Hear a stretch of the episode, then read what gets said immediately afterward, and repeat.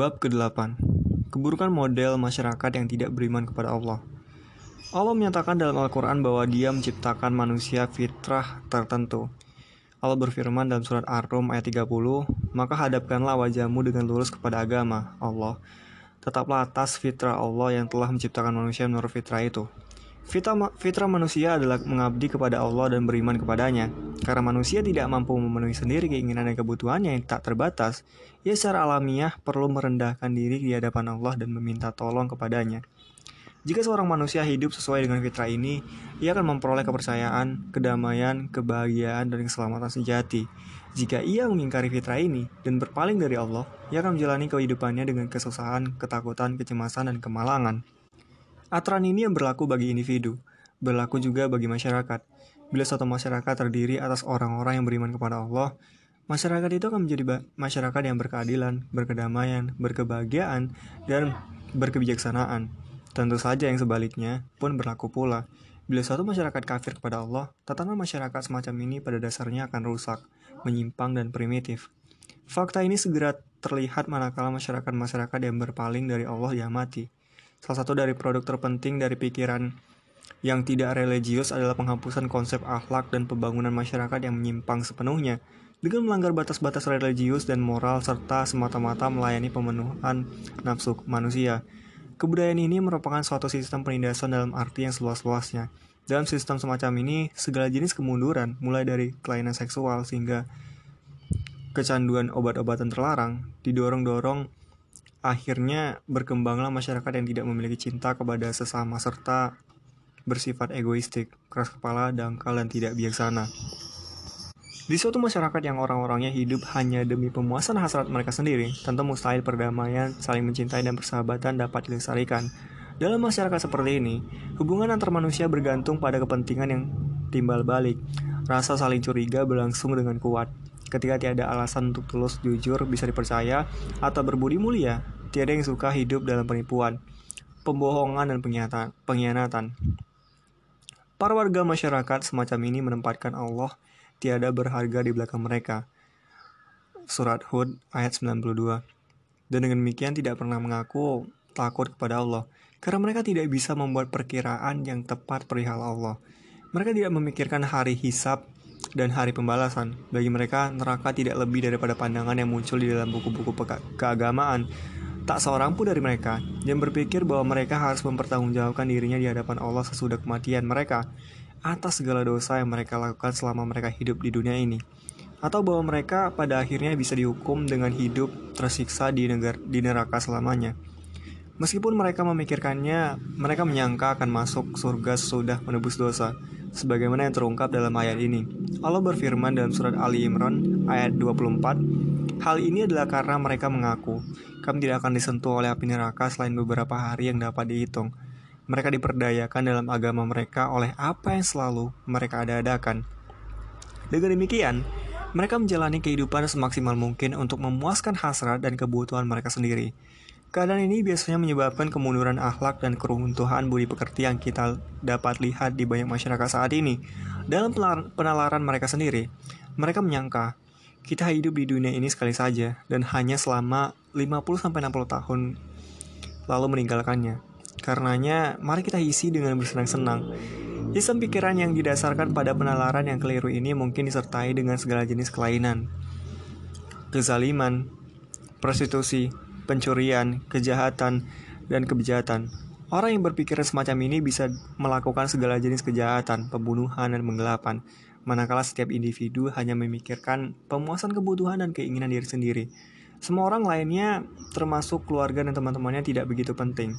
Individu-individu lain di dalam masyarakat tidak penting sama sekali.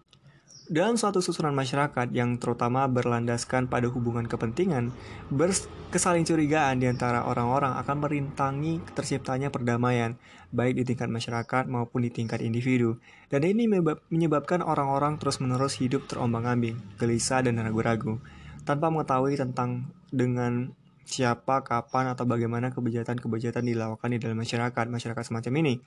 Orang-orang hidup dengan keadaan jiwa yang amat ketakutan dan menderita. Kecurigaan yang merata menyebabkan mereka hidup dengan sangat menyedihkan. Di suatu masyarakat yang melecehkan nilai-nilai moral, pandangan orang-orang terhadap gagasan-gagasan seperti keluarga, kejujuran, dan kedermawanan cukup memprihatinkan karena mereka tidak takut kepada Allah. Di dalam masyarakat-masyarakat semacam itu, kehidupan orang-orang tidak berdasarkan rasa saling mencintai dan saling menghargai. Para warganya tidak merasa perlu menunjukkan penghargaan satu sama lain. Mereka tidak memperlihatkan sikap saling memperhatikan tanpa penyebab yang baik. Sebetulnya, mereka memang benar sehubungan dengan penalaran mereka yang bebal dalam jalaninya.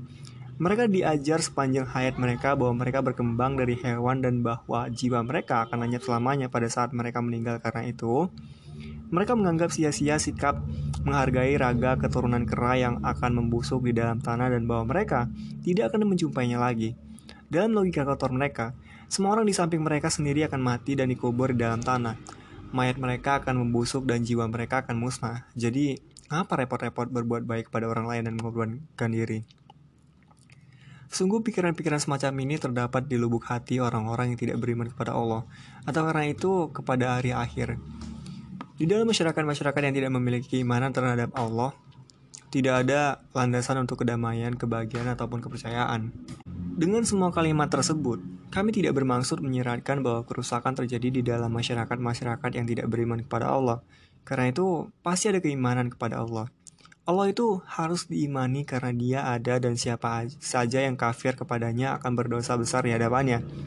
Maksud kami, mencatat bahwa masyarakat yang tidak beriman kepada Allah menjadi sus rusak adalah menekankan bahwa sudut pandang fundamental masyarakat ini salah.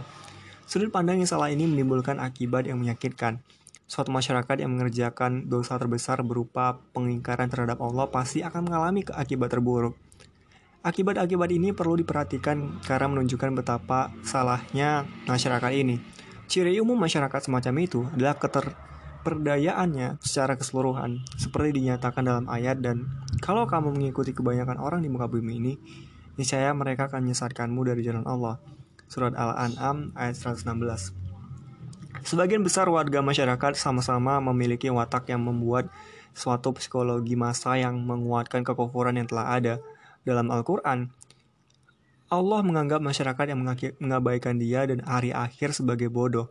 Meskipun anggota-anggota masyarakat ini mungkin mengkaji fisika, sejarah, biologi, ataupun ilmu-ilmu lainnya, mereka tidak mengerti dan tidak insaf untuk mengakui ke kekuatan dan kekuasaan Allah. Mereka bodoh dalam pengertian ini maksudnya. Karena para warga masyarakat jahiliyah tidak setia kepada Allah, mereka berpaling dari jalannya dengan berbagai cara. Mereka mengikuti para hamba Allah yang batil sebagaimana mereka sendiri, memandang mereka sebagai panutan dan menganggap gagasan-gagasan mereka sebagai kebenaran mutlak. Pada puncaknya, suatu masyarakat jahiliyah merupakan masyarakat tertutup yang semakin membutakan diri. Kian lama kian jauh dari akal dan hati nurani. Seperti yang kami nyatakan di permulaan, aspek yang paling menonjol dari sistem ini adalah bahwa para warga masyarakat semacam ini bertindak seiring dengan indoktrinasi anti agama. Dalam Al-Quran, Allah memaparkannya dengan perumpamaan yang jelas tentang keadaan kehidupan semacam ini. Bangunan yang berlandaskan pada basis yang rusak dan sia-sia pasti binasa. Allah berfirman dalam surat At-Taubah ayat 109, maka apakah orang-orang yang mendirikan bangunannya di atas dasar takwa kepada Allah dan keindahannya itu yang baik? Ataukah orang-orang yang mendirikan bangunannya di tepi jurang yang runtuh lalu bangunannya itu jatuh bersama-sama dengannya ke dalam neraka jahanam? Dan Allah tidak memberikan petunjuk kepada mereka yang zalim. Walaupun demikian, ada hal lain yang harus diingat. Setiap masyarakat dan semua orang berkesempatan untuk melepaskan diri dari indoktrinasi jalan hidup dan filosofi jahiliyah. Allah mengutus para rasul kepada mereka untuk mengingatkan mereka dan memberitahu ke mereka akan keberadaan Allah dan hari akhir serta mengatakan kepada mereka makna hakiki kehidupan. Bersama-sama para rasulnya, dia menurunkan kitab suci yang menjawab semua pertanyaan yang berasal dari lubuk hati manusia. Inilah hukum Allah yang sudah ada sejak semula. Pada zaman ini, pedoman, pedoman semua orang adalah Al-Quran yang menunjukkan jalan yang benar dan membawa manusia dari kegelapan ke cahaya orang-orang yang akan diadili menurut pilihan mereka sendiri. Jadi Rasul yang menyampaikan kitabullah kepada segenap manusia menyuruh mereka. Dan surat Yunus ayat 108 Allah berfirman, Katakanlah, hai manusia, sesungguhnya telah datang kepadamu kebenaran, Al-Quran dari, dari Tuhanmu. Karena itu, barang siapa yang mendapat petunjuk maka sesungguhnya petunjuk itu untuk kebaikan dirinya sendiri. Dan barang siapa yang sesat maka sesungguhnya kesesatannya itu untuk kecelakaan dirinya sendiri dan Aku bukanlah seorang penjaga terhadap dirimu.